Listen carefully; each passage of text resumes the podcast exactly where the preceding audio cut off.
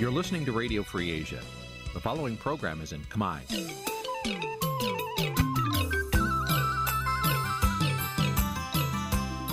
Nǐ chi càm bi tiệp xáy vệt chiu a zì sê ray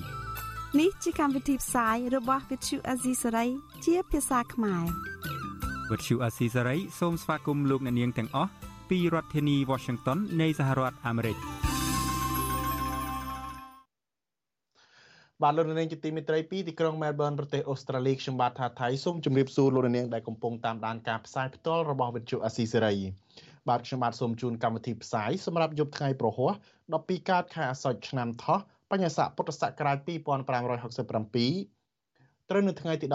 18ខែតុលាគ្រិស្តសករាជត្រូវនៅថ្ងៃទី26ខែតុលាគ្រិស្តសករាជ2023បាទជាដំបូងនេះសូមអញ្ជើញលោកនាងស្ដាប់ព័ត៌មានប្រចាំថ្ងៃដែលមានមេត្តាដូចតទៅ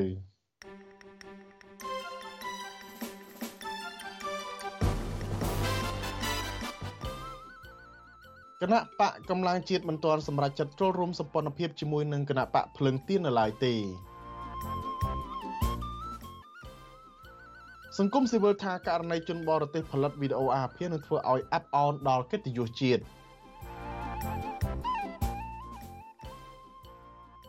អ្នកផ្ទុកមេរោគអេដនៅឃុំរកាខេត្តបាត់ដំបងមួយចំនួនមានជីវភាពខ្វះខាតនិងស្នើសុំឲ្យអាជ្ញាធរជួយ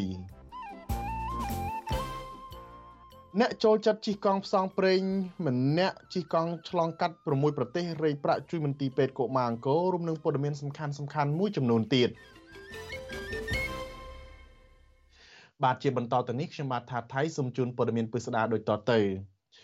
បាទលោកនាងជាទីមេត្រីគណៈបកថ្មីមួយឈ្មោះកម្លាំងជាតិដែលកើតចេញពីអតីតមន្ត្រីជាន់ខ្ពស់គណៈបកភ្លឹងទៀនប្រធានគណៈបកនេះនៅមិនទាន់បង្ហាញជំហរជាក់លាក់ថានឹងចូលរួមសម្ព័ន្ធភាពនយោបាយ ជាមួយនឹងគណៈបកភ្លឹងទៀននេះនៅឡើយទេដោយត្រូវរងចាំការធ្វើសមាជរបស់គណៈបកនៅខែវិច្ឆិកាខាងមុខជាមុនសិនបាទលោកនាងនៅបានស្ដាប់សេចក្តីរាយការណ៍នេះនៅពេលបន្តិចទៀត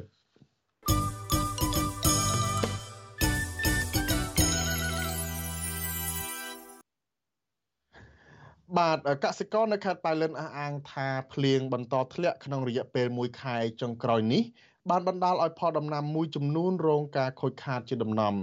បាទពួកគាត់ព្រួយបារម្ភមិនមានលទ្ធភាពសងបំណុលទៅគ្រឹះស្ថានមីក្រូហិរញ្ញវត្ថុនោះទេមន្ត្រីសង្គមស៊ីវិលស្នើឲ្យអាជ្ញាធរខេត្តជួយដល់ប្រជាពលរដ្ឋដែលកំពុងរងគ្រោះ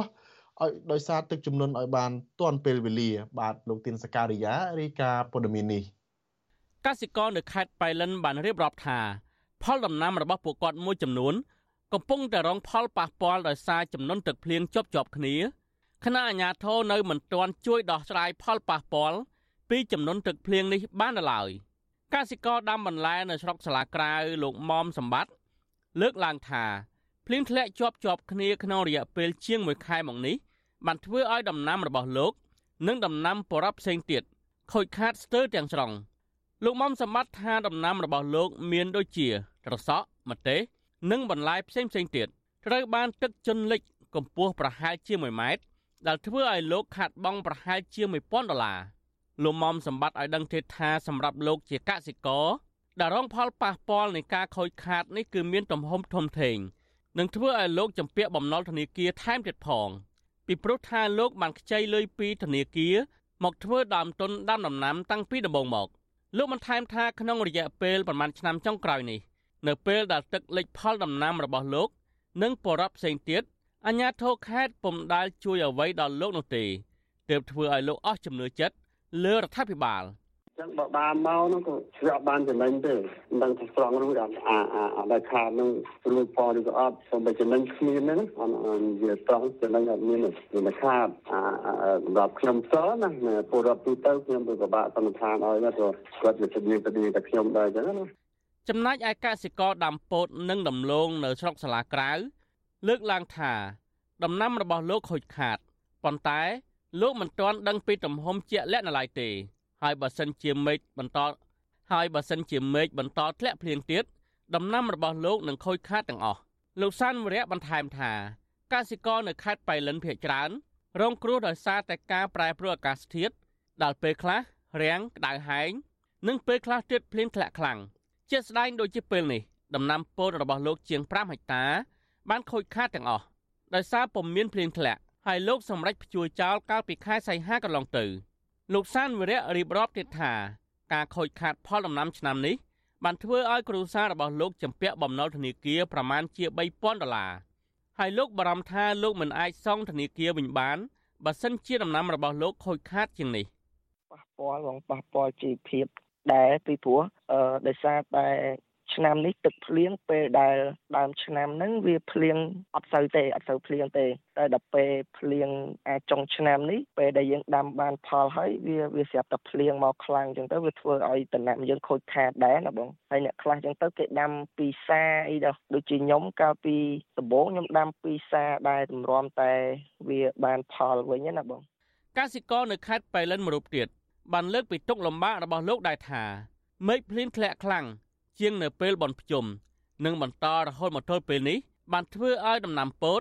និងដំឡូងចំនួន8ហិកតារបស់លោកខូចខាតស្ទើរតែពាក់កណ្ដាលហើយការខូចខាតផលដំណាំនេះហើយការខូចខាតដំណាំនេះក៏ធ្វើឲ្យគ្រួសាររបស់លោកធ្លាក់ខ្លួនជំពាក់បំណុលធនាគារដែរលោកឡោធនថាលោកបានខ្ចីលុយធនាគារមកធ្វើដើមទុនដាំពោតនិងដំឡូងប៉ុន្តែឆ្នាំនេះដំណាំរបស់លោកមិនទទួលបានផលដោយការរំពឹងទុកនោះទេជាក់ស្ដែង លោកបានដាំពោតលើកទី1ក្នុងខែមេសាងាប់អស់ដោយសារតែអាកាសធាតុក្តៅខ្លាំងរាំងស្ងួតហើយដំណាំពោតលើកទី2បច្ចុប្បន្ននេះដោយសារតែចំនួនទឹកភ្លៀងលិចទៅវិញពូចំណាំ10000 10000ពីចាប់អីចាប់អីគាត់អញ្ចឹងវាអត់មានសមត្ថភាពអត់មានជំនាញទៅលើអញ្ចឹងហើយវាបើសិនជាអង្គការសង្គមស៊ីវិលថាជាមានជំនាញទៅទៅអីគាត់បានចំណាយថវិការបស់អង្គការពីក្រៅប្រទេសមកតែបើក្នុងរដ្ឋាភិបាលមានជំនាញទេ ការព្រៀងធ្លាក់ដូចនេះដូចឥឡូវនេះឥឡូវនេះឃើញតែកើននៃបំណុលហើយពីព្រោះអាតសក់ហ្នឹងខ្ញុំអត់ទៅគិតមិនបានរួចខ្លួនវិញទេវិទ្យុអសិរ័យមិនអាចតកតងប្រធានមន្ត្រីកសិកម្មខេត្តបៃលិនលោកសាយសុផាតនិងអ្នកនាំពាក្យគណៈកម្មាធិការជាតិគ្រប់គ្រងគ្រោះមហន្តរាយលោកសុតកឹមមនីកសលដើម្បីសំសួរអំពីបញ្ហានេះបានទេនៅថ្ងៃទី26ដុល្លារកាលពីថ្ងៃទី29កញ្ញាមន្ត្រីធនធានទឹកនិងអតនិយមខេត្តបៃលិនបានឲ្យដឹងថា ស្ថានភាពចំនួនទឹកភ្លៀងតាមដងស្ទឹងខេត្តបៃលិន កំពុងជន់លិចតំបន់វាលទំនាបមួយចំនួន ក្នុងឃុំក្រៅនិងឃុំស្ទឹងត្រង់ស្រុកសាលាក្រៅដោយបានជន់លិចលំនៅឋានផ្លូវនិងដំណាំកសិកម្មមួយចំនួន នៅតាមតំបន់ទំនាបខាងលើប្រធានសមាគមសម្ព័ន្ធសហគមន៍កសិករកម្ពុជាលោកថេងសាវឿនមានប្រសាសន៍ថាឆ្នាំនេះមានភ្លៀងខ្លាំងបណ្ដាលឲ្យខេត្តមួយចំនួនរងផលប៉ះពាល់ដល់ប្រជាពលរដ្ឋនិងផលដំណាំ។ ដែលធ្វើឲ្យជីវភាពសេដ្ឋកិច្ចគ្រួសាររបស់ប្រជាពលរដ្ឋកាន់តែលំបាកនិងធ្លាក់ខ្លួនជាពាក់បំណុលលោកថេងសវឿនជំរុញឲ្យអាជ្ញាធរខេត្តខ្នះខ្នែងជួយដល់ពលរដ្ឋនិងផលដំណាំរបស់ពួកគាត់ឲ្យទាន់ពេលវេលានឹងនៅក្នុងក្របខ័ណ្ឌគោលនយោបាយរដ្ឋាភិបាលមានក៏ប៉ុន្តែយើងមិនដឹងថាការអនុវត្តជាក់ស្ដែងហ្នឹងវានឹងបាននៅកម្រិតណាទេពីព្រោះថាទទួលតែមានការស្នើសុំមានការអីហើយនឹងមានការរាយការណ៍ ឬក៏ដាក់សំណើពីប្រជាពលរដ្ឋដែលរងផលខូចខាតក៏ដូចជារងគ្រោះនៅប្រឈមនឹងបញ្ហានៃការខូចខាតដំណាំទើបរដ្ឋបានទទួលរបាយការណ៍របស់គណៈកម្មាធិការជាតិគ្រប់គ្រងគ្រោះមហន្តរាយបានចេញកាលពីថ្ងៃទី23ដុល្លារឆ្នាំ2022ឲ្យដឹងថាចំនួនទឹកភ្លៀងបានធ្វើឲ្យប៉ះពាល់ផ្ទះប្រជាពលរដ្ឋជិត75000ខ្នង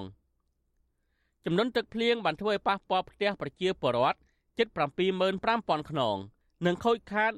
159ខ្នងប៉ះពាល់សាលារៀន382សាលា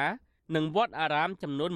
113ទឹកលិចជ្រៅមានជាង21ម៉ឺនហិកតា ក្នុងនោះស្រូវដែលខូចខាតទាំងស្រុង មានជិត12ម៉ឺនហិកតាខ្ញុំបាទធីនសាការីយ៉ាអស៊ីសេរី ប្រធានាធិបតី Washington បាទលោកនាងជាទីមេត្រីតកតងទៅនឹងស្ថានភាពជំងឺរបស់អតីតឧត្តមទីប្រឹក្សារបស់គណៈបកភ្លឹងទៀនលោកគង់កំវិញ បាទមកដល់ពេលនេះក្រុមគ្រួសាររបស់លោកបានអះអាងថាស្ថានភាពរបស់គាត់បានវិវត្តទៅរកភាពល្អប្រសើរឡើងវិញហើយក្រោយពីក្រុមគ្រូពេទ្យបានជួយសង្គ្រោះលោកអស់រយៈពេល4ថ្ងៃកន្លងមកកូនប្រុសរបស់លោកគង់គំគឺលោកគុំមូនីកាប្រាប់វិទ្យុអាស៊ីសេរីនៅថ្ងៃទី6តុលាថាក្រោយពីក្រុមគ្រូពេទ្យបានយកចិត្តទុកដាក់ព្យាបាលជំងឺបេះដូងនិងជំងឺទឹកដក់ក្នុងសួតរបស់ឪពុកលោកគឺស្ថានភាពរបស់ឪពុកលោកនៅពេលនេះបានវិវត្តទៅរកភាពល្អប្រសើរឡើងវិញហើយន ភាពជំងឺរបស់គាត់ពាក់ព័ន្ធទៅនឹងបញ្ហាបេះដូងហើយនឹងហើមសួតបាទដែលបណ្ដាលមកពីការផ្ដាសាយធំនេះហើយធ្វើឲ្យស្ថានភាពគាត់គាត់នឹងថ្ងៃដំបូងមុនចូលទីពេទ្យហ្នឹងគឺហាក់បីដូចជាធ្ងន់ធ្ងរដែរប៉ុន្តែរហូតដល់ថ្ងៃនេះឃើញថាស្ថានភាពរបស់គាត់បានប្រសើរតែម្ដងតែម្ដងហើយបាទលោកកុងគំគឺជាអ្នកនយោបាយជើងចាស់មួយរូប ធ្លាប់រួមរស់ជាមួយនឹងគណៈបកប្រជាជនកម្ពុជាមួយរយៈពេលក្រោយដួលរលំនៃរបបខ្មែរក្រហមនិងក្រោយមកអឺលោកបានចាក់ចេញពីគណៈបកប្រជាជនកម្ពុជាវិញដោយសារមិនពេញចិត្តទៅនឹងគោលនយោបាយរបស់គណៈបកកណ្ដាលអំណាចមួយនេះរួចងាកមកចូលរួមជីវភាពជាមួយនឹងក្រុមអ្នកដែលមាននិន្នាការប្រឆាំងវិញលោកគង្គគំបានធ្វើជាឧត្តមទីប្រឹក្សាគណៈបកភ្លឹងទៀនរហូតដល់ ពេលក្រោយមកលោកប្រកាសបញ្ចប់ជីវិតនយោបាយរបស់ខ្លួនកាលពីដើមខែកុម្ភៈក្រោយពីលោកត្រូវបានលោកអតីតនាយករដ្ឋមន្ត្រីគឺលោកហ៊ុនសែនបង្ខំឲ្យលោកនិងភរិយាផ្តិតមេដៃប្រគល់ដីនឹងផ្ទះទៅឲ្យរដ្ឋាភិបាលរបស់លោកហ៊ុនសែននៅពេលនោះ គឺកាលពីថ្ងៃទី12ខែមករាការបង្ខំផ្តិតមេដៃលើលិខិតនោះគឺតែប៉ុន្មានម៉ោងបន្ទាប់ពីលោកហ៊ុនសែនបានបញ្ជាទៅអង្គភាពប្រឆាំងអំពើពុករលួយស្រាវជ្រាវជាបន្តអំពីករណីផ្ទះនិងករណីដីធ្លីរបស់លោកគង្គគំដោយលោកហ៊ុនសែនបានចោទថាលោកគង្គគំបានលួចបន្លំធ្វើបានកម្មសិទ្ធិដីធ្លីផ្ទះសម្បែង ការដែលលោកហ៊ុនសែនបញ្ជាឲ្យមានវិធានការរឹបអូសផ្ទះដីធ្លីរបស់លោកគង្គគំនេះគឺដោយសារតែលោកហ៊ុនសែនខឹងនឹងលោកគង្គគំរិះគន់អំពីការកកើតនៃគណៈបកប្រជាជនកម្ពុជា បាទ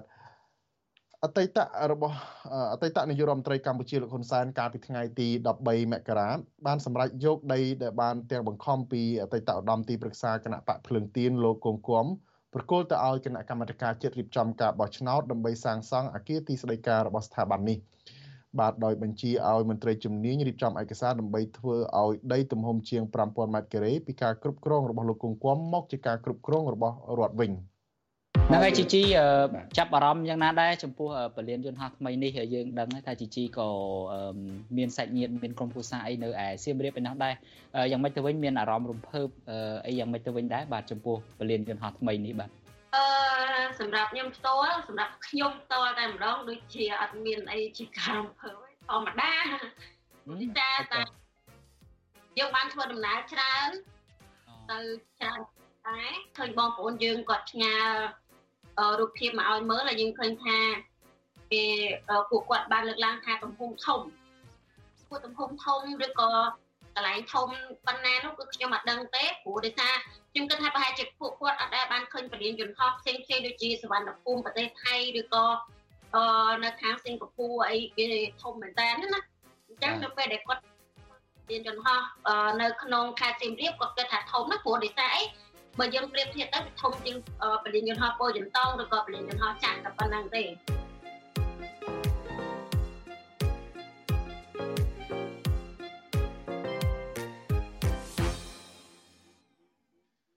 បាទលោកនាងជាទីមេត្រីមួយរយៈនេះលោកនាងបានទេសនាកម្មវិធី podcast ដោយមានលោកសេបណ្ឌិតនិងលោកយ៉ងច័ន្ទរាជំនួសឲ្យថ្នាក់ដឹកនាំរបស់វិទ្យុអាស៊ីសេរីគឺលោកសំពូលីនិងលោកជុនច័ន្ទបុតបាទលោកទាំងពីរគឺថាมันបាន ធ្វើកម្មវិធី podcast ទេដោយសារថាមួយរយៈនេះលោកជាប់រវល់បំពេញបេសកកម្មការងារច្រើនបាទបាទកម្មវិធី podcast នេះលោកនាងនឹងបានទេសនានៅរៀងរាល់ថ្ងៃព្រឹកថ្ងៃសៅរ៍បាទនឹងមានការចាក់ផ្សាយនៅតាមបណ្ដាញផ្សព្វផ្សាយរបស់វិទ្យុអស៊ីសេរីហើយក៏នឹងមានការចាក់ផ្សាយឡើងវិញនៅតាមបណ្ដាញសង្គម YouTube Facebook និង Telegram របស់វិទ្យុអស៊ីសេរីនៅក្នុងកម្មវិធីផ្សាយផ្ទាល់នៅរាត្រីយប់ថ្ងៃច័ន្ទបាទសូមអរគុណ បាទលោកនាងជាទីមេត្រីសកម្មជនគណៈបកប្រឆាំងដែលកំពុងភៀសខ្លួននៅឯប្រទេសថៃឯណោះនិងពលករមួយចំនួន បាននាំគ្នាដាក់ញត្តិទៅស្ថានទូតប្រទេសហត្ថលេខីនៃកិច្ចព្រមព្រៀងសន្តិភាពទីក្រុងប៉ារីសដើម្បីឲ្យប្រទេសទាំងនោះបំពេញកាតព្វកិច្ចជួយអន្តរាគមន៍ទៅរដ្ឋាភិបាលកម្ពុជាឲ្យគោរពនិងអនុវត្តឲ្យបានពេញលេញតាមស្មារតីនៃកិច្ចព្រមព្រៀងសន្តិភាពទីក្រុងប៉ារីស បាទនៅពេលបន្តិចទៀតនេះខ្ញុំនឹងមានបទសម្ភាសន៍មួយជាមួយនឹងមន្ត្រីគណៈបកភ្លើងទៀនគឺលោកលីមីងខៀងដែលបានដាក់ញត្តិសូមអន្តរាគមន៍ទៅស្ថានទូតបរទេសទាំងនោះបាទប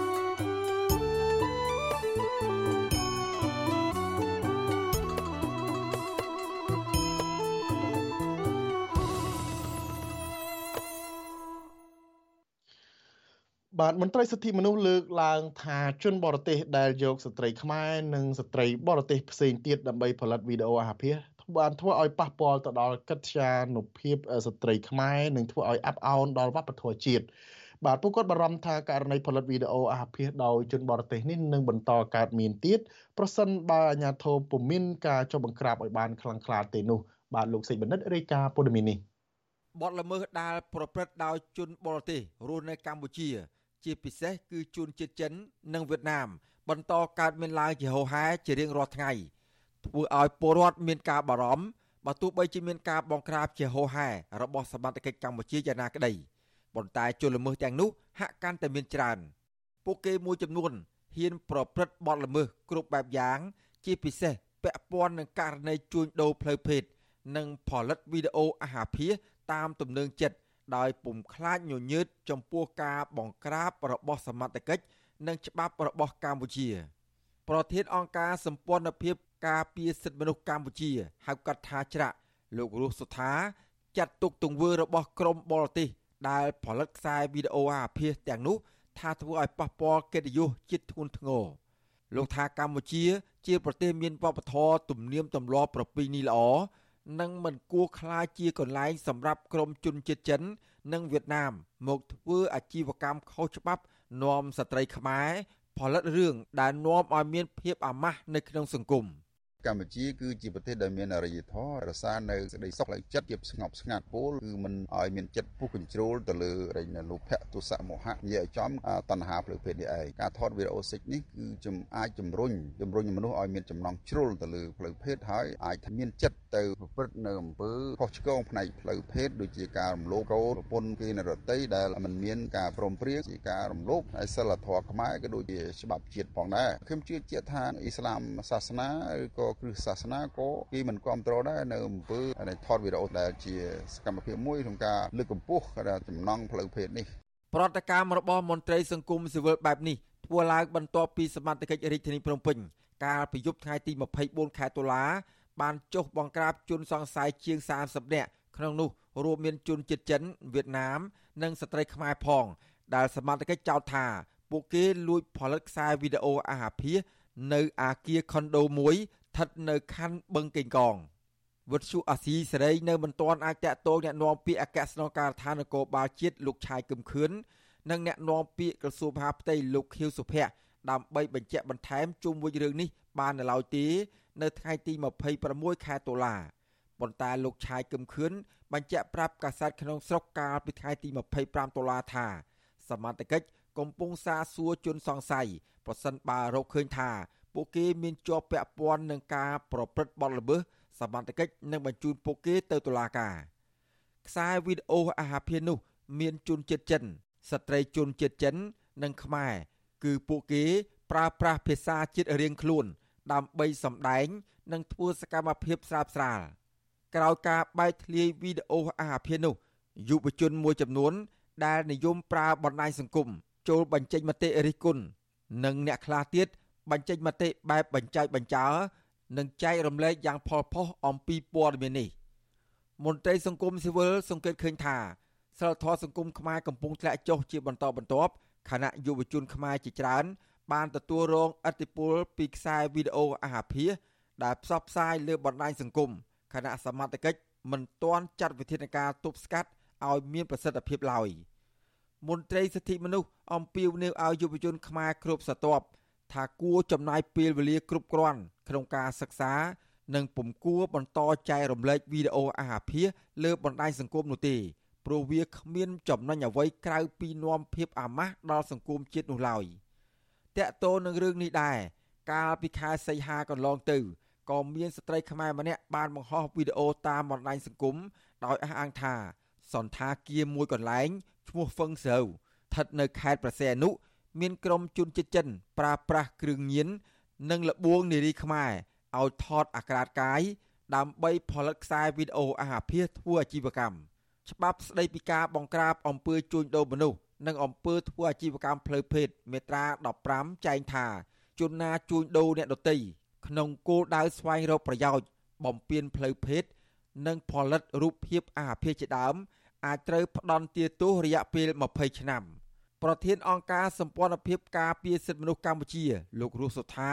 ស្នើដល់អាជ្ញាធរឲ្យចាត់វិធានការឲ្យបានម៉ឺងម៉ាត់ដើម្បីទប់ស្កាត់ជនបរទេសដែលជួញដូរមនុស្សជាពិសេសស្ត្រីខ្មែរ ក្នុងទម្រង់ផ្សេងផ្សេងយកទៅផលិតរូបភាពអាហារភាដែលធ្វើឲ្យប៉ះពាល់កិត្តិយសជាតិនិងនាំឲ្យសិលធម៌សង្គមធ្លាក់ចុះ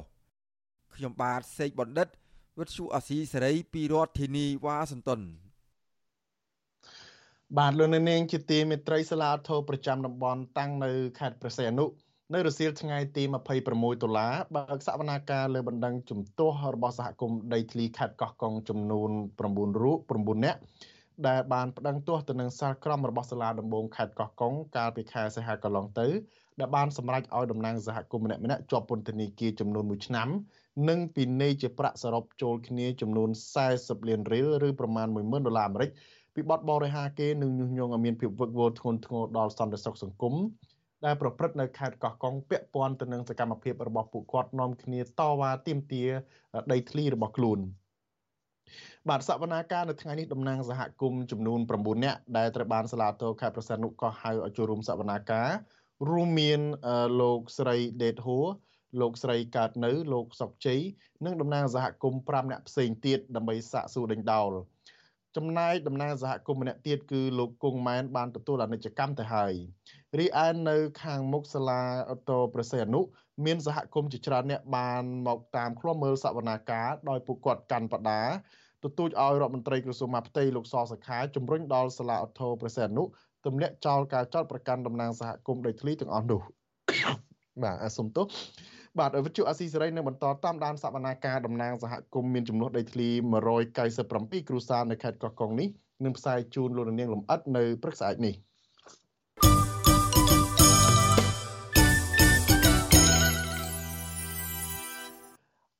បាទតកតងទៅនឹងរឿងដីធ្លីនេះដែរនៅឯខេត្តកំពតឯណោះវិញប្រជាពលរដ្ឋជិត100គ្រួសារអំពាវនាវឲ្យអភិបាលខេត្តកំពតលោកម៉ៅធនិនផ្ដល់ដំណោះស្រាយករណីដីស្រែចម្ការរបស់ពួកគាត់ត្រូវមន្ត្រីសរយោដីខົບខិតជាមួយអ្នកមានលុយមានអំណាចធ្វើប្លង់រឹងរំលោភយកអស់ជាង100ហិកតាមន្ត្រីសង្គមស៊ីវិលស្នើឲ្យអាជ្ញាធរខេត្តនេះពន្លឿនស៊ើបអង្កេតនេះរឿងនេះដោយដំណាភាពនិងយុត្តិធម៌បាទលោកយ៉ងច័ន្ទរារាយការណ៍ព័ត៌មាននេះ ប្រជាពលរដ្ឋរស់នៅភូមិព្រែកថ្នោតសង្កាត់ព្រែកថ្នោតក្រុងបូកគោខេត្តកំពតព្រួយបារម្ភខ្លាចបាត់បង់ដីស្រែចម្ការគេឪពុកម្ដាយរបស់ពួកគាត់ដែលអាស្រ័យផលជាច្រើនចំនួនមកហើយក្តីព្រួយបារម្ភនេះកើតមានឡើងក្រោយពីដីស្រែចម្ការរបស់អ្នកភូមិព្រែកថ្នោតទំហំជាង100ហិកតាដោយមានផ្នែកខ្លះប៉ះចំដីព្រៃអភិរក្សដែលគ្រប់គ្រងដោយក្រសួងបរិស្ថានបែរជាមានប្លង់កម្មសិទ្ធិកាន់កាប់ដោយបរិសម្នាក់ឈ្មោះយឹមសុគន្ធនិងបាក់ពួកដោយស្ងាត់ស្ងាត់ប្រជាពលរដ្ឋរស់នៅសង្កាត់ព្រែកថ្នោត លោកតឹងយិនប្រាប់វិទ្យុអាស៊ីសេរីនៅថ្ងៃទី26តុលាថា អ្នកភូមិភ្ញាក់ផ្អើលក្រោយពីដឹងថាដីស្រែចម្ការដែលពួកគាត់ធ្វើកសិកម្មចិញ្ចឹមជីវិតបែរជាមានប្លង់កម្មសិទ្ធិគ្រប់គ្រងដោយក្រុមអ្នកមានលុយមានអំណាចលោកថាប្រជាពលរដ្ឋជាច្រើនអ្នកបានលើកគ្នាតវ៉ានិងប្តឹងទៅអាជ្ញាធរមូលដ្ឋានដល់ថ្នាក់អាជ្ញាធរខេត្តជាច្រើនខែមកហើយក៏ប៉ុន្តែមិនទាន់មានដំណោះស្រាយនៅឡើយទេលោកឲ្យដឹងទៀតថាក្រមប្រជាពលរដ្ឋក្រុងនឹងលើកគ្នាតវ៉ាជាថ្មីម្ដងទៀត ដោយស្នើឲ្យអភិបាលខេត្តកំពតលោកម៉ៅធនិនរោគយុតិធធនៅនៅធ្វើស្នេហ៍ធ្វើការបានពេលសន្យាថាគេកាត់ស្វៀលឲ្យឡើងមកវិញអញ្ចឹងតែគាត់ថាមិនទាន់មានការកាត់ស្វៀលអីណាមួយច្បាស់លាស់អញ្ចឹងគឺគាត់តែសន្យាហើយជាបរដ្ឋមានមួយចំនួនទៅគាត់តែនៅតែមិនអស់ចិត្តគាត់នៅតែឡើងតវ៉ាមកហើយរហូតប្រជាពលរដ្ឋដដែលបន្ថែមថាកន្លងទៅអាជ្ញាធរសង្កាត់ព្រែកថ្នោត និងអាជ្ញាធរក្រុងបូកគោបានមុខភាពឯកសារទាំងអស់ ពាក់ព័ន្ធទៅនឹងពាក្យស្នើសុំកាន់កាប់ដីរបស់ប្រជាពលរដ្ឋនៅតំបន់នោះលោកថាបរោះឈ្មោះយឹមសុគន្ធដែលមានប្លង់កាន់កាប់ដីទាំងនោះប្រជាពលរដ្ឋមិនដឹងថាធ្វើការនៅស្ថាប័នណានោះទេវិទ្យុអាស៊ីសេរីមិនអាចតាក់ទងសុំការបំភ្លឺរឿងនេះពីអភិបាលខេត្តកំពតលោកម៉ៅធនិនបាននៅឡើយទេ នៅថ្ងៃទី26ខែតុលាដោយទូរស័ព្ទហៅចូលជាច្រើនដង តែពុំមានអ្នកទទួល ចំណែកបរិសម្នាក់ឈ្មោះយឹមសុគន្ធដែលប្រជាពលរដ្ឋអះអាងថាលួចធ្វើប្លង់រំលោភយកដីស្រែរបស់អ្នកភូមិនោះក៏វិទ្យុអាស៊ីសេរីមិនទាន់អាចតាក់ទងបាននៅឡើយដែរនៅថ្ងៃដដែលនេះជុំវិញរឿងនេះមន្ត្រីពង្រឹងសិទ្ធិអំណាចសហគមន៍មូលដ្ឋាននៃសមាគមការពារសិទ្ធិមនុស្សអាត6លោកប៉ែនប៊ុនណាពន្យល់ថាការធ្វើប្លង់មិនប្រក្រតីជន់ចំដីរបស់ប្រជាពលរដ្ឋគឺជាកំហុសរបស់មន្ត្រីជំនាញសូរិយោដីនិងអ្នកពាក់ព័ន្ធដែលត្រូវតែទទួលខុសត្រូវចំពោះមុខច្បាប់ លោកសង្ស័យថាករណីនេះអាចជាប់ពាក់ព័ន្ធនឹងអំពើពុករលួយចំពោះអាញាដែលប្រើល្បិចមានន័យថាវាមានពាក់ព័ន្ធជាមួយពុករលួយក្នុងការចាញ់បានបានរឿងទុច្ចរិតហ្នឹងបើរកឃើញគាត់ត្រូវមានទុបក្រិតជាមួយនឹង មន្ត្រីខាងមន្ត្រីសូយ៉ាដីដែលតាមផ្លូវច្បាប់គាត់ណាខ្លាយឯកសារជាតាធារណៈហ្នឹងវាទោសពី5ឆ្នាំទៅ10ឆ្នាំហើយចុះបើមានពុករលួយក្នុងនោះទៀតមានន័យថាមន្ត្រីដែលចេញផ្លានហ្នឹងគឺ7ឆ្នាំទៅ15ឆ្នាំទៀតចំពោះចាបើសិនគាត់រកឃើញថាគាត់បានសោកទៅមន្ត្រីដើម្បីបានគាត់ត្រូវមានទោស5ឆ្នាំទៅ10ឆ្នាំមន្ត្រីសង្គមស៊ីវិលរូបនេះបន្ថែមថាករណីមន្ត្រីជំនាញធ្វើប្លង់កម្មសិទ្ធិមិនប្រក្រតីមិនត្រឹមតែកើតមាននៅខេត្តកំពតប៉ុណ្ណោះទេគឺកើតមានស្ទើរតែគ្រប់ខេត្តក្រុង ហើយកម្រឃើញរដ្ឋាភិបាល និងតុលាការមានចំណាត់ការច្បាប់ដាក់ទោសទណ្ឌទៅលើមន្ត្រីខលខូចនិងអ្នកពាក់ព័ន្ធខ្ញុំយ៉ងច័ន្ទដារាវិទ្យុអាស៊ីសេរី Washington ដើម្បីទទួលបានរង្វាន់អាយុធ podcast របស់ Visual Assisray សម្រាប់សប្តាហ៍នេះ សូមប្រិយមិត្តសរសេរជាអត្ថបទកំណាព្យដែលឆ្លុះបញ្ចាំងពីការពិតនៅក្នុងសង្គមកម្ពុជាឬផ្ដល់មតិយោបល់ពីប្រធានបទល្អៗដែលប្រិយមិត្តចង់ដឹងនិងចង់ឲ្យយើងលើកយកមកពិភាក្សាសូមកុំភ្លេចបញ្ជាក់អាស័យដ្ឋានរបស់លោកអ្នកនាងរួចផ្ញើចម្លើយទៅកាន់អ៊ីមែលរបស់យើង contact@ofa.org នាដំណាក់កាលនេះដើម្បីរក្សាសុវត្ថិភាពយើងនឹងចែកជូនអាយុនេះដល់ប្រិយមិត្តដែលកំពុងរស់នៅក្រៅប្រទេសកម្ពុជាតែប៉ុណ្ណោះ។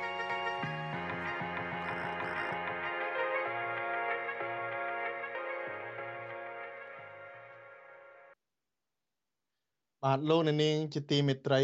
សមាគមប្រជាពលរដ្ឋនៅតំបន់ព្រៃទឹកភ្លៀងបង្ហាញរបាយការណ៍អំពីផលប៉ះពាល់បរិស្ថានជំរកសត្វព្រៃនិងប្រជាពលរដ្ឋនៅតាមសហគមន៍ពីការធ្វើអាជីវកម្មរ៉ែមាសរបស់ក្រុមហ៊ុនចិនក្នុងដែនអភិរក្សសត្វព្រៃឡង់នៅតំបន់ភ្នំជីក្នុងឃុំសុចិតខេត្តកំពង់ធំ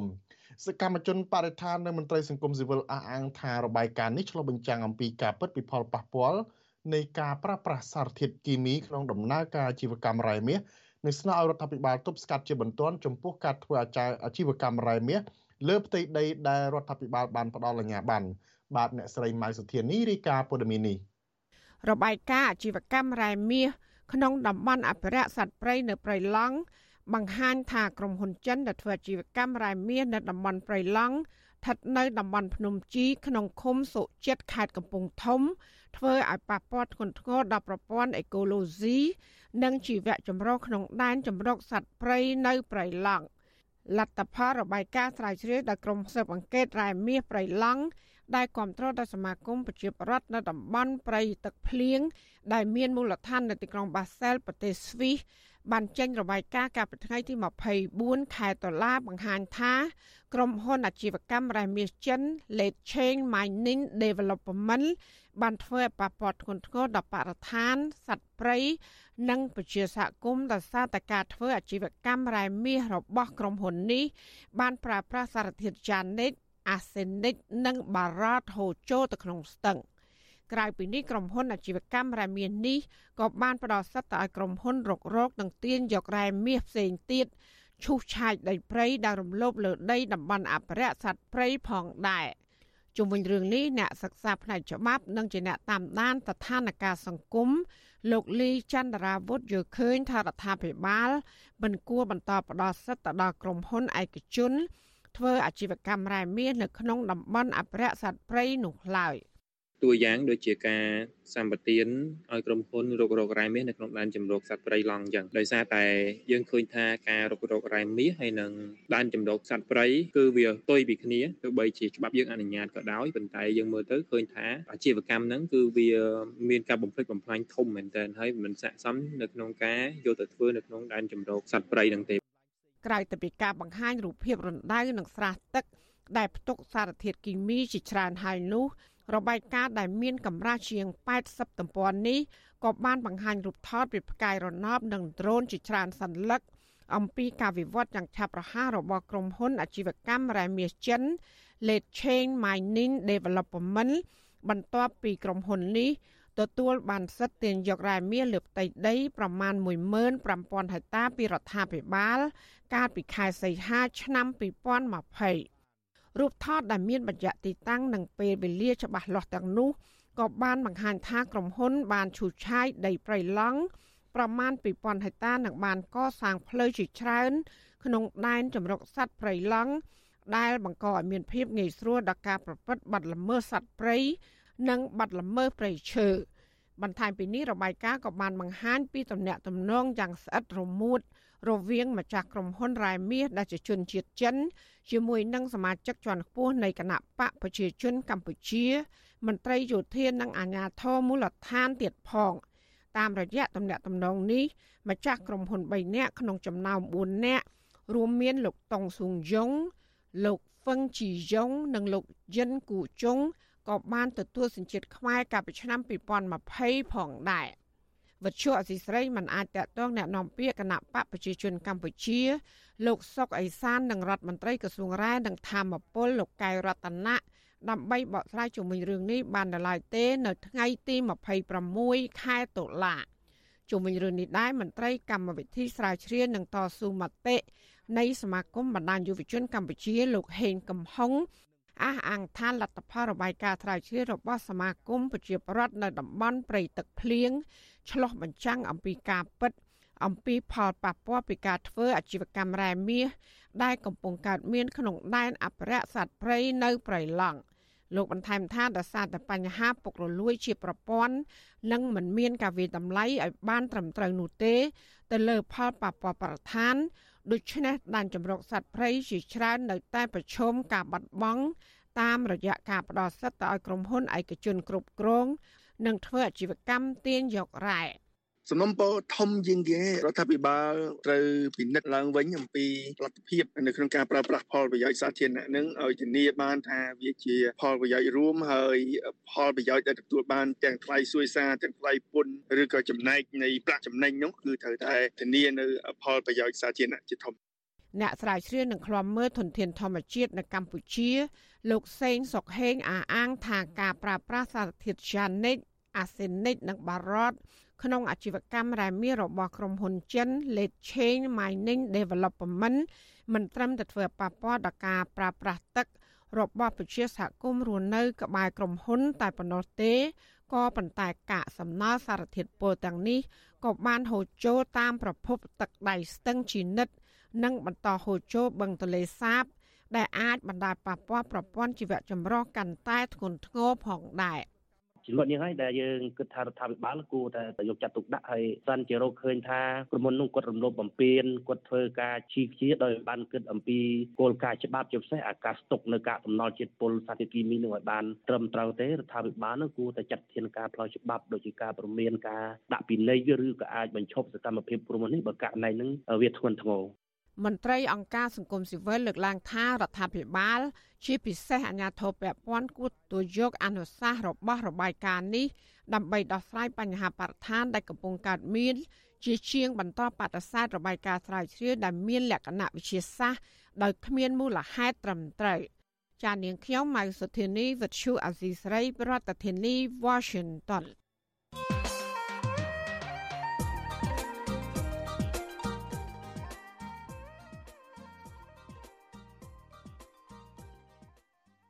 បាទលោកនាងជាទីមេត្រីប្រជាពលរដ្ឋមួយចំនួននៅតែគិតអំពីរឿងអបិយជំនឿជារឿងអត្តភាព ជាងរឿងអ្នកនយោបាយមិនទទួលខុសត្រូវលើការដឹកនាំប្រទេស បង្កើតរឿងអយុត្តិធម៌នៅក្នុងសង្គមនិងការបិទសិទ្ធិសេរីភាពនិងការធ្វើទុកបុកម្នេញផ្សេងផ្សេងទៀតតើមូលហេតុអ្វីបានជាប្រជាពលរដ្ឋមួយចំនួន ហាក់គិតអំពីរឿងអបិយជំនឿទៅវិញដោយមិនសូវគិតអំពីរឿងដែលពួកគាត់កំពុងតែរងគ្រោះបាទសូមលោកនាងរងចាំទស្សនាវេទិកាអ្នកស្ដាប់វិទ្យុអាស៊ីសេរីអំពីរឿងនេះនៅយប់ថ្ងៃសុក្រស្អែកនេះដែលនឹងជជែកអំពីរឿងនេះបាទប្រសិនបើលោកនាងចង់សួរវាគ្មិនរបស់យើងឬចង់បញ្ចេញមតិយោបល់សូមលោកនាងដាក់លេខទូរស័ព្ទនៅក្នុងខ្ទង់ comment របស់ Facebook និង YouTube របស់វិទ្យុអាស៊ីសេរីនៅក្នុងពេលកំពុងផ្សាយនោះក្រុមការងាររបស់យើងនឹងហៅទៅលោកនាងវិញសូមអរគុណ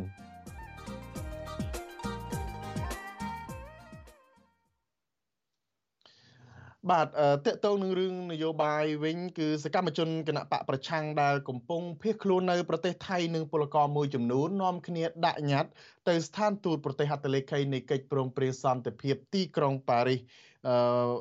ដើម្បីឲ្យប្រទេសទាំងនោះបំពេញកាតព្វកិច្ចជួយអន្តរាគមន៍ទៅរដ្ឋាភិបាលកម្ពុជាឲ្យគោរពនិងអនុវត្តឲ្យបានពេញលេញតាមស្មារតីនៃកិច្ចព្រមព្រៀងសន្តិភាពទីក្រុងប៉ារីស បាទឥឡូវនេះខ្ញុំមានបទសម្ភាសមួយជាមួយនឹងមន្ត្រីគណៈបកភ្លើងទៀនដែលកំពុងភៀសខ្លួននៅប្រទេសថៃគឺលោកលីមីងខៀងបាទសូមជម្រាបសួរលោកលីមីងខៀងបាទខ្ញុំអត់លឺសលេងលោកទេបាទសូមជួយបើកម៉ៃផងបាទបាទសូមជម្រាបសួរលោកថៃនិងសូមជម្រាបសួរដល់បងប្អូនពុកម៉ែប្រជាពលរដ្ឋខ្មែរទាំងអស់ បាទអរគុណលោកលីមីងខៀងដែលបានចូលរួមជាមួយនឹងវិទ្យុអាស៊ីសេរីនៅរាត្រីនេះបាទសកទុកយ៉ាងណាដែរខានជួបជជែកជាមួយលោកយូហើយបាទដឹងថាលោកនៅកំពុងនៅប្រទេសថៃតើស្ថានភាពរបស់លោកនិងសកម្មជនផ្សេងទៀតនៅទីនោះយ៉ាងណាដែរបាទសពទុកធម្មតាទេបងដោយសារយើងនៅទីនេះវាស្វាត់ភាពពាក់កដាពីស្វាត់ភាពហើយការរស់នៅទីនេះក៏ មិនជួបការលំបាកអីច្រើនដែរដោយសារយើងបានដាក់ទៅខាង UN ហ្នឹងគាត់ជួយជុំជាយើងផ្នែកសុខភាពណាបាទបាទបើទោះបីជាមាន បញ្ហាប្រឈមរឿងសវត្ថភាពមិន100%ក៏ដោយគឺថា ក្រមរបស់លោកនៅតែបន្តធ្វើសកម្មភាពនយោបាយនៅក្នុងប្រទេសថៃយើងឃើញថាកាលពីគូបកិច្ចព្រមព្រៀងសន្តិភាពទីក្រុងប៉ារីសហ្នឹងក៏ធ្វើក៏ក្រឹកក៏ក្រែងដែរនៅប្រទេសថៃដោយមានការដឹកនាំជាមួយនឹងក្រមពលករផងហើយមកដល់ពេលនេះបើទោះបីជាកិច្ចព្រមព្រៀងសន្តិភាពទីក្រុងប៉ារីសនេះបានបញ្ចប់ទៅហើយក្តីកាលពីថ្ងៃទី23តុលាហ្នឹង គឺក្រុមរបស់លោកនៅតែបន្តធ្វើសកម្មភាពរំលឹករឿងនឹងដដែលហើយនឹងថែមទាំងធ្វើញត្តិមួយដាក់ទៅតាមស្ថានទូតប្រទេសហត្ថលេខីផ្សេងផ្សេងទៀតលោកលីមីគៀងតើមកដល់ពេលនេះការដាក់ញត្តិទៅប្រទេសហត្ថលេខីនឹងបានប្រមាណស្ថានទូតហើយបាទអឺបាទមុននឹងខ្ញុំឆ្លើយនឹងសំណួរខ្ញុំសូមជម្រាបសួរដល់ពុកម៉ែបងប្អូនជាពលរដ្ឋខ្មែរទាំងអស់ដែលរស់នៅក្នុងប្រទេស ហើយសូមជម្រាបសួរអឺដល់សកម្មជនសកម្មនារីរបស់អ្នកជាបន្ថៃអ្វីដែលយើងកំពុងធ្វើហើយនឹងដាក់ញាត់នៅក្នុងស្ថានទូតគឺចំនួន11ស្ថានទូតមានស្ថានទូតអាមេរិកបារាំងជប៉ុនអូស្ត្រាលីកាណាដាម៉ាឡេស៊ីឥណ្ឌូនេស៊ីសិង្ហបុរីចិនវៀតណាមថៃ ជាប្រទេសចាក់ផ្ទះបាទបាទគេគេឆ្លើយតបយ៉ាងម៉េចដែរទេពេលដាក់ទៅស្ថានទូតទាំងនោះបាទអឺស្ថានទូតដែលបានទទួលសូមជម្រាបថាស្ថានទូតដែលបានទទួលញត្តិរបស់យើងគឺមានអូស្ត្រាលីមានម៉ាឡេស៊ីឥណ្ឌូនេស៊ីហើយនិងសិង្ហបុរីហើយដែលឡែកថៃដែលយើងយកទៅដាក់នៅទីស្តីការគណៈរដ្ឋមន្ត្រីថៃហ្នឹងគឺ គឺឲ្យដាក់នៅក្នុងអបសម្បត្តិទេបាទអបសម្បត្តិហើយដែលឡែកចិនគឺគេមិនទទួលញ៉ាត់យើងទេគេឲ្យយើងចូលទៅដាក់នៅស្ថានទូតខ្មែរវៀតណាមចំពោះវៀតណាមវិញគឺគេមិនចេញជួបយើងតែម្ដងព្រោះវៀតណាមណាចំណែក3ប្រទេសទៀតមានអាមេរិកបារាំងហើយជប៉ុនជប៉ុននៃជប៉ុនយើងកំពុងតំណែងគ្នាហើយណាត់ពេលវេលាជួបជាមួយនឹងជប៉ុនហើយ ចំពោះបារាំងហើយអាមេរិកយើងអត់ទាន់បានណាត់ជាផ្លូវការជួបទេប៉ុន្តែអាមេរិកពីម្សិលមិញក្រុមការងារយើងទៀតនោះបានទៅដល់ស្ថានទូតអាមេរិកប៉ុន្តែដោយសារអឺមន្ត្រី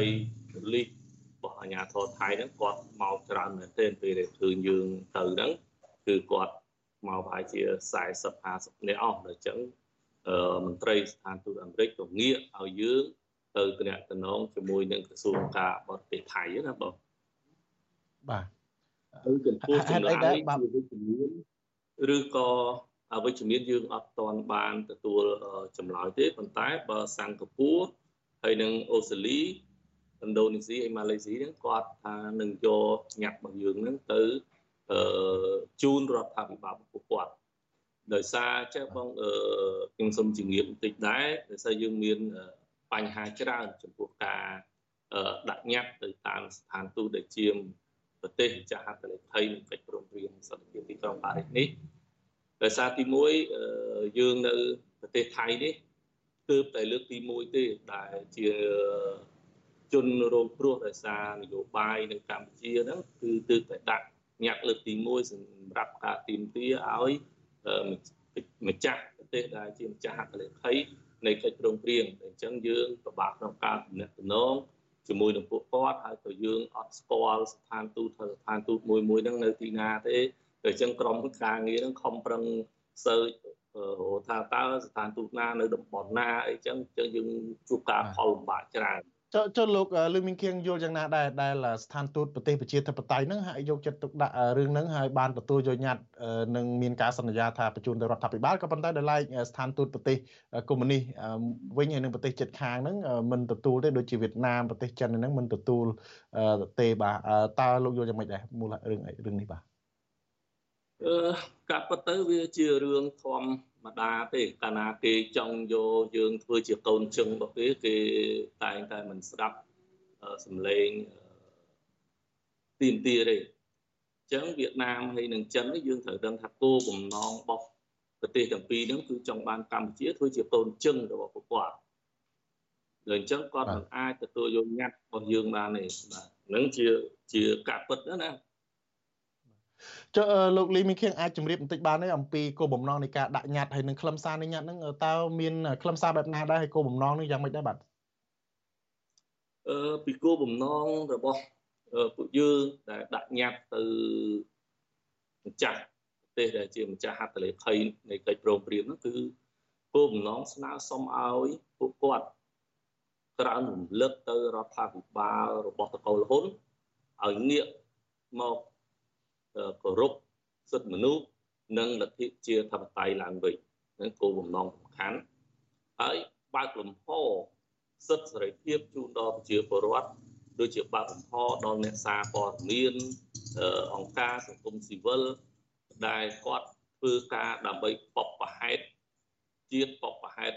អឺសិទ្ធិមនុស្សសេរីភាពដូចយើងឃើញហើយថាដូចជាក្រមអឺ យុវជនដែលគាត់ត្រូវបានអង្គការមួយអញ្ជើញគាត់ឲ្យទៅទទួលពានរង្វាន់ហ្នឹងគឺរដ្ឋាភិបាលនេះមិនអនុញ្ញាតទេមិនអនុញ្ញាតឲ្យគាត់ទៅទទួលពានរង្វាន់ដែលជាកិត្តិយសរបស់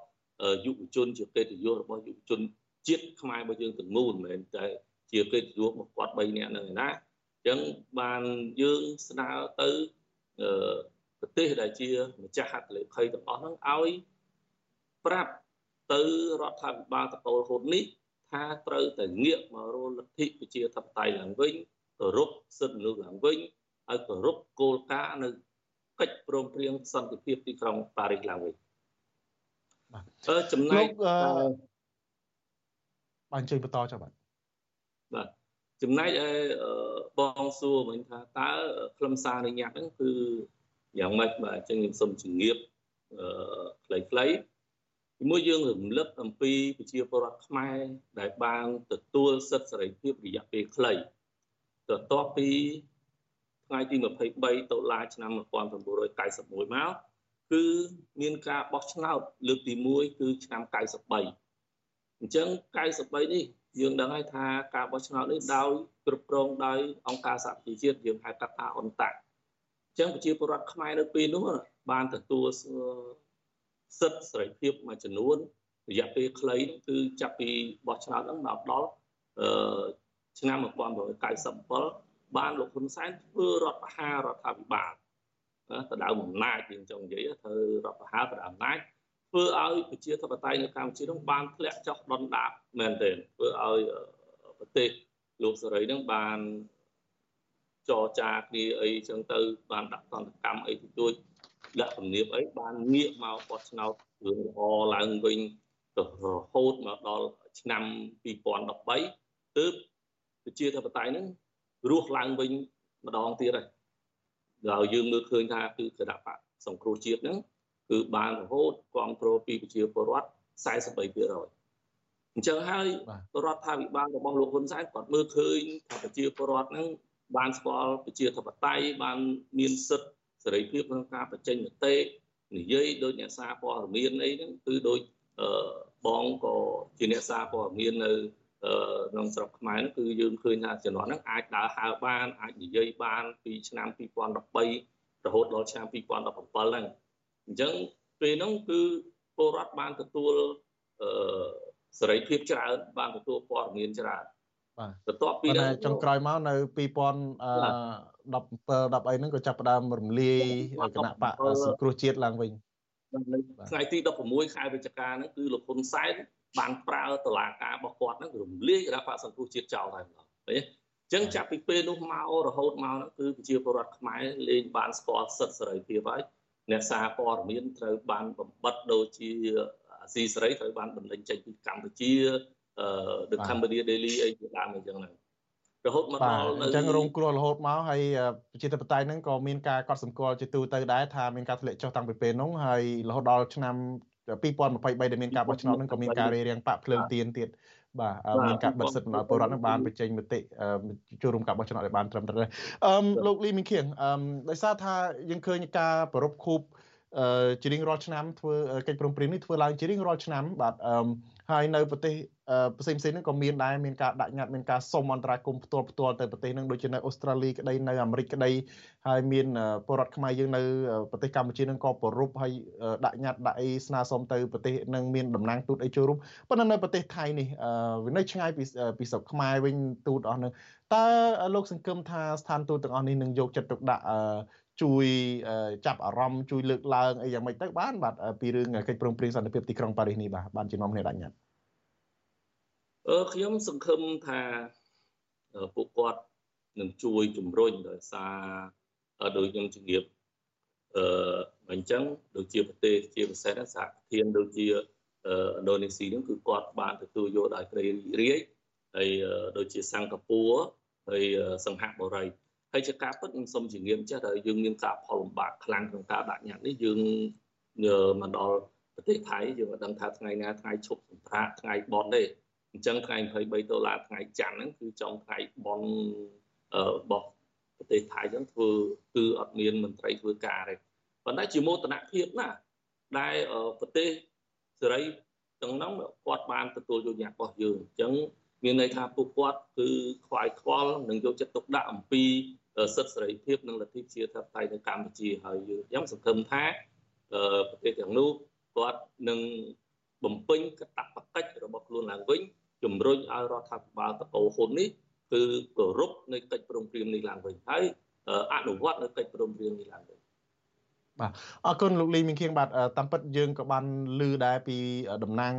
ស្ថានទូតប្រទេសប្រជាធិបតេយ្យឬក៏ប្រទេសហត្ថលេខីកិច្ចព្រមព្រៀងនឹងថាពួកគាត់នឹងឈរជាមួយប្រជាពលរដ្ឋខ្មែរដែលចង់ឃើញឲ្យមានការអភិវឌ្ឍចង់បានសិទ្ធិសេរីភាពប្រជាធិបតេយ្យនិងការគោរពសិទ្ធិមនុស្សនៅក្នុងប្រទេសកម្ពុជាឲ្យស្របតាមកិច្ចព្រមព្រៀងសន្តិភាពទីក្រុងប៉ារីសនេះហើយយើងនឹងចាំមើលថាតើនឹងមានអ្វីប្រែប្រួលនៅពេលខាងមុខទៀតបាទសូមអរគុណលោកលីមីងខៀងដែលបានចូលរួមជាមួយនឹងវិទ្យុអាស៊ីសេរីនៅត្រីនេះបាទសូមជម្រាបលាលោកលីមីងខៀងត្រឹមប៉ុណ្ណេះសិនបាទ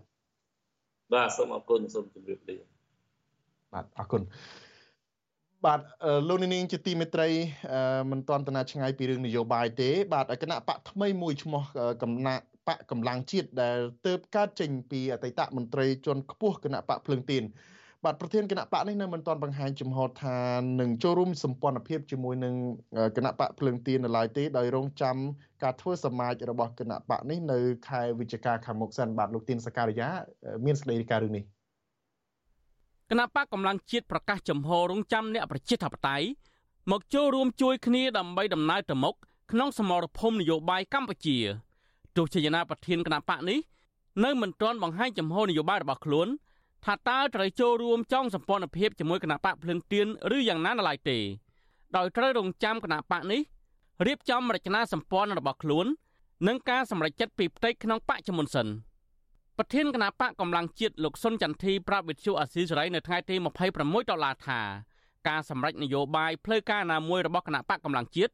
អាចនឹងស្ដែងចេញ នៅក្រៅពេលគណៈបកនេះធ្វើសមាជជាតិនៅថ្ងៃទី12វិច្ឆិកាខាងមុខលោកសុនចន្ទធីបញ្ជាក់ថាគណៈបកកម្លាំងជាតិនៅពេលនេះ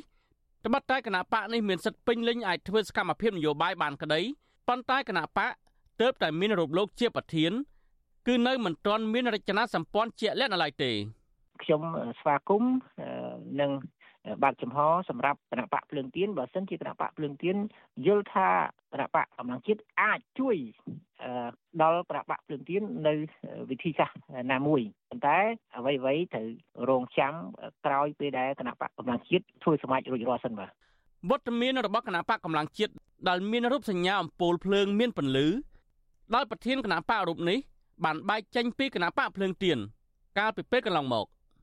ហើយលោកសុនចន្ទធីបង្កើតគណៈបកថ្មីនៅពេលនេះគឺនៅស្របពេលគណៈបកភ្លើងទៀនបានចងសម្ព័ន្ធភាពនយោបាយជាមួយគណៈបកចន្ទៈខ្មែរគណៈបកប្រជាធិបតេយ្យមូលដ្ឋាន និងគណៈបកកែតម្រង់កម្ពុជាដែលសម្ព័ន្ធភាពនេះបានដាក់ឈ្មោះថាសម្ព័ន្ធភាពឆ្ពោះទៅអនាគតការវិវត្តនៃក្រមសម្ព័ន្ធភាពនយោបាយរបស់គណៈបកភ្លើងទៀននេះដែរគណៈបកភ្លើងទៀនក៏ប្រកាសនឹងជ្រើសរើសយកសម្ព័ន្ធមិត្តរបស់ខ្លួនមួយដើម្បីចូលរួមការបោះឆ្នោតសកល នៅឆ្នាំ2024ខាងមុខតាក់ទងនឹងរឿងនេះដែរអនុប្រធានគណៈបកភ្លើងទៀនរងជនលើកឡើងថា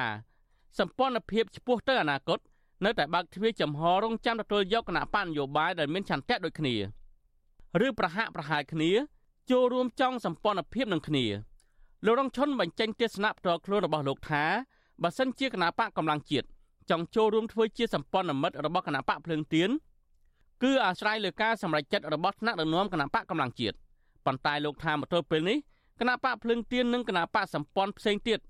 ក៏នៅមិនទាន់មានការជជែកផ្លូវការពាក់ព័ន្ធនឹងរឿងនេះនៅឡើយដែរបើសិនជាថ្នាក់ដឹកនាំគាត់ឯកភាពថានឹងចូលរួមជាមួយសម្ព័ន្ធឆ្ពោះទៅអនាគត ខ្ញុំគិតថាសម្ព័ន្ធនឹងបើកផ្លូវស្វាគមន៍នៅវត្តមានគណៈបកកម្លាំងជាតិអាហ្នឹងវាអាស្រ័យទៅលើសម័យគណៈបកថ្នាក់ដឹកនាំគាត់សម្រេចបែបម៉េចអាហ្នឹងវាទៅតាមហ្នឹងបាទតកតងនៅរឿងនេះនិវិភាននយោបាយលោកកឹមសុខយល់ឃើញថាស្ថានភាពនយោបាយនៅពេលនេះគណៈបកភ្លើងទៀនទៅច្រកក្រំផ្ទះអ្នកណាក៏មិនចោតជាបញ្ហានោះដែរតែអ្វីដែលសំខាន់នោះគឺគណៈបកភ្លើងទៀននិងគណៈបកដៃគូត្រូវរក្សាប្រជាធិបតេយ្យផ្ទៃក្នុងបក និងការរក្សាឯកភាពគ្នាលោកបន្តទៀតថាគណៈបកសម្ព័ន្ធមិត្តរបស់គណៈបកភ្លើងទៀនត្រូវមានគោលការណ៍ផ្ទៃក្នុងរួមនិងគោលការណ៍គិតគូរពីអនាគតជាតិខ្ពស់ជាងប្រយោជន៍បក ការចងសម្ព័ន្ធដើម្បីអនាគតហ្នឹងកុំគ្រាន់តែដើម្បីអនាគតផ្ទះគេផ្ទះយើងទ្របគេទ្របយើងគឺដើម្បីអនាគតជាតិពីព្រោះជាបទពិសោធន៍យើងឃើញហើយបើទោះបីជានាំនិយាយផ្ទះគេផ្ទះយើងទ្របគេទ្របយើងយ៉ាងណាក៏ដោយបែកបាក់គ្នាទៅអាទ្របហ្នឹងក៏វាមិនបានដែរម្ល៉េះហើយដាក់គោលដៅជាតិឲ្យបានច្បាស់ទៅទោះបីជាកម្ពុជាទើបរៀបចំការបោះឆ្នោតថ្នាក់ជាតិកាលពីថ្ងៃទី23កក្កដាដល់ការបោះឆ្នោតនេះ កោជបបានហាមមិនអោយគណៈបកភ្លឹងទៀនដែលមានអ្នកបោះឆ្នោតគាំទ្រជិត2លាននាក់មិនអោយចូលរួមការបោះឆ្នោតក្រោមហេតុផលថាគណៈបកភ្លឹងទៀនគ្មានលិខិតចុះបញ្ជីច្បាប់ដើមប៉ុន្តែនៅឆ្នាំ2024ខាងមុខនេះនឹងមានការបោះឆ្នោតអសកលចំនួន2ទៀតគឺការបោះឆ្នោតជ្រើសរើសក្រុមប្រឹក្សារាជធានីខេត្តក្រុងស្រុកខណ្ឌនិងការបោះឆ្នោតជ្រើសរើសសមាជិកព្រឹទ្ធសភាការបោះឆ្នោតទាំងពីរនេះគឺគណៈបកភ្លើងទៀនមានអង្គបោះឆ្នោតរបស់ខ្លួនរួចស្រេចទៅហើយ។ គឺសមាជិកក្រុមប្រឹក្សាឃុំសង្កាត់ជាង2000នាក់នៅទូទាំងប្រទេសគណៈបកភ្លើងទៀនបានបញ្ជាក់ចំហរបស់ខ្លួនរួចហើយដែរថានឹងជ្រើសរើសគណៈបកសម្ព័ន្ធមិត្តរបស់ខ្លួនមួយដើម្បីបន្តដំណើររួមគ្នាក្នុងការចូលរួមបោះឆ្នោតអសកលនៅឆ្នាំ2024ខាងមុខនេះខ្ញុំបាទទីនសាការីយ៉ាអស៊ីសេរី ប្រធានាធិបតី Washington បាទលោកនាងជាទីមេត្រីអ្នកចូលចិត្តជិះកង់ផ្សងព្រេងមរូបបានប្រឹងពុះពៀគ្រប់ឧបសគ្គរាប់មិនអស់ ជិះកង់រយៈពេល3ខែឆ្លងកាត់ប្រទេសចំនួន6ក្នុងតំបន់អាស៊ីដើម្បីរៃអង្គាសប្រាក់ដល់ជួយដល់មន្ទីរពេទ្យកុមារអង្គរបាទបេសកកម្មមនុស្សធម៌ដែលមនុស្សធម្មតាពិបាកនឹងធ្វើបាននេះអាចរៃប្រាក់បានជាង50000ដុល្លារបាទបាទសូមលោកនាងស្ដាប់សេចក្តីរាយការណ៍របស់អ្នកស្រីសុជីវីដែលរាយការណ៍អំពីដំណើរផ្សងព្រេងរបស់អ្នកចូលចិត្តជិះកង់គឺលោកទីវតារារិទ្ធដូចតទៅ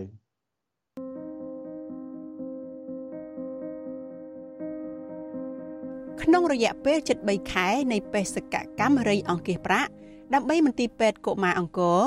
លោកទីវតារារិទ្ធជិះកង់ស្ទើររាល់ថ្ងៃឆ្លងពីតំបន់មួយទៅតំបន់មួយតែម្នាក់ឯងលោកទុនទិញជាប់ជានិច្ចថា លោកប្រឹង ដើម្បីជួយកុមារជាច្រើនអ្នកដែលមានជំងឺនៅវៀតណាមនៅឡាវនៅថៃគេឃើញគេសរសើរយើងខ្ញុំតែងតែប្រាប់ថាខ្ញុំមកពីប្រទេសកម្ពុជាជាយុវជនខ្មែរជិះកង់ដើម្បីរៃអង្គាសប្រាក់ជួយ ក្មេងៗកុមារកម្ពុជាកិច្ចក្រជាច្រើនដែលមានជំងឺមហារីកនិងជំងឺផ្សេងៗសម្រាប់ព្យាបាលនៅមន្ទីរពេទ្យកុមារអង្គរដែលកំពុងខ្វះខាតថវិកា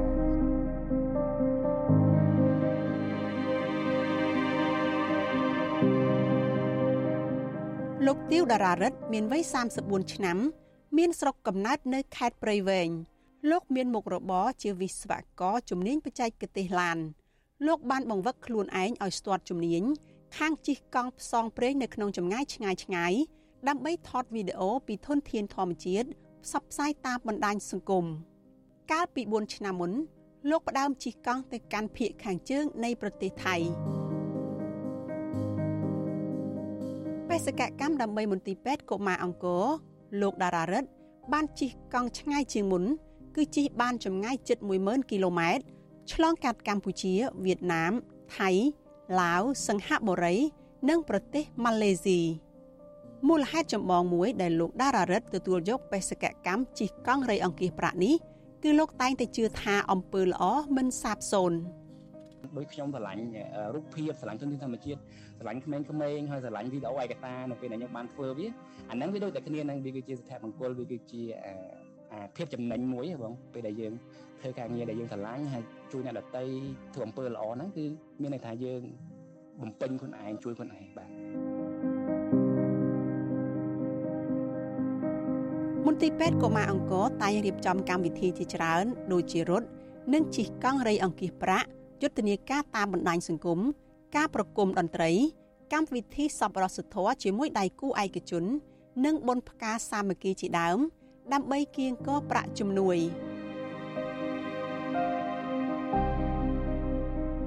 ក្នុងមួយឆ្នាំមួយឆ្នាំមន្ទីរពេទ្យកុមារអង្គរត្រូវការថវិកាសម្រាប់ដំណើរការប្រតិបត្តិពី5ទៅ6លានដុល្លារ ហើយថវិកាទាំងនោះភាគច្រើន បានមកពីសប្បុរសជននៅក្រៅប្រទេសនិងមួយចំណែកទៀត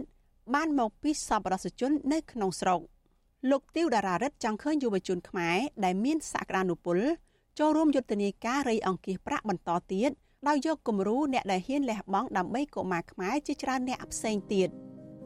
បរទេសច្រើនគាត់មកចំណាយពេលលះបង់ធនធានរបស់គាត់ដូច Dr. Bib Richner ជាដើម សូម្បីតែមន្ទីរពេទ្យកុមារអង្គរហ្នឹងគឺមាន founder មួយជនជាតិជប៉ុនគឺគាត់ជា photographer ជាអ្នកថតរូបដូចខ្ញុំតែគាត់មានទឹកដីល្អមែនតើដែលគាត់លះបង់ធនធានលះបង់អ្វីក៏បែបយ៉ាងដើម្បីបើកមន្ទីរពេទ្យមួយមកជួយក្មេងៗអញ្ចឹងភាពជាគំរូរបស់ពួកគាត់ហ្នឹងអស្ចារ្យមែនតើអញ្ចឹងខ្ញុំគ្រាន់តែជាផ្នែកមួយទូចនៃយុវជនខ្មែរដែលដែលគ្រាន់តែជិះកង់3 4ខែហ្នឹងខ្ញុំគិតថាវាជាការលះបង់តូចតាច ហេតុអីបានយើងយុវជនខ្មែរជនជាតិខ្មែរមិនមិនមិនមិនអាចធ្វើបានមួយផ្នែកមួយនៃគាត់វាគួរអាម៉ាស់វាគួរឲ្យខ្មាស់អញ្ចឹងនេះគឺជាការលើកទឹកចិត្តមួយការធ្វើឲ្យខ្ញុំមានភាពពុះកញ្ជ្រោលចង់ជួយសង្គមជាតិដែរ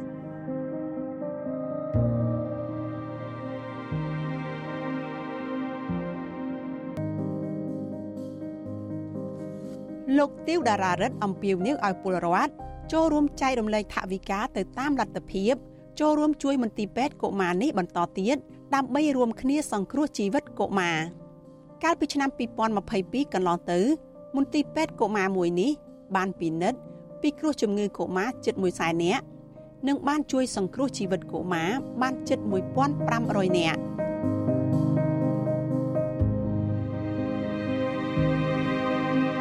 នាងខ្ញុំសុជីវី វិទ្យុអាស៊ីសេរីពីរដ្ឋធានី Washington បាទលោកនាងជាទីមេត្រីទៅមើលស្ថានភាពរស់នៅរបស់ប្រជាពលរដ្ឋនៅភូមិរកាវិញអ្នកផ្ទុកមេរោគអេដនៅឃុំរកាស្រុកសង្កែខេត្តបាត់ដំបងមួយចំនួន មានជីវភាពខ្វះខាតនិងស្នើឲ្យអាជ្ញាធរពាក់ព័ន្ធផ្ដល់ស្បៀងអាហារជូនដល់ពួកគាត់ពួកគាត់ត្អូញត្អែថាប្រហែលឆ្នាំចុងក្រោយនេះពុំសូវមានអាជ្ញាធរចុះសួរសុខទុក្ខ និងផ្ដល់ស្បៀងអាហារដល់ពួកគាត់ឡើយមន្ត្រីសង្គមស៊ីវិលលើកឡើងថារដ្ឋាភិបាលគូតែរោគវិធីដោះស្រាយរយៈពេលវែងដើម្បីឲ្យពួកគាត់មានការងារធ្វើរកប្រាក់ចំណូលដោះស្រាយជីវភាព បាទលោកនាងនឹងបានស្ដាប់សេចក្តីរាយការណ៍នេះពឹស្ដាននៅព្រឹកស្អែកនេះបាទលោកនាងជាទីមេត្រីការផ្សាយរយៈពេល1ម៉ោងរបស់វិទ្យុអស៊ីសេរីនៅរាត្រីនេះចប់ត្រឹមតែប៉ុណ្ណេះយើងខ្ញុំសូមជូនពរដល់លោកអ្នកនាងព្រមទាំងក្រុមគ្រួសារឲ្យជួបប្រកបទៅនឹងសេចក្តីសុខចម្រើនរុងរឿងកំបីគ្លៀងគ្លាតឡើយ ខ្ញុំបាទថាថៃព្រមទាំងក្រុមការងារទាំងអស់នៃវិទ្យុអាស៊ីសេរីសូមអរគុណនិងសូមជម្រាបលារាត្រីសួស្តី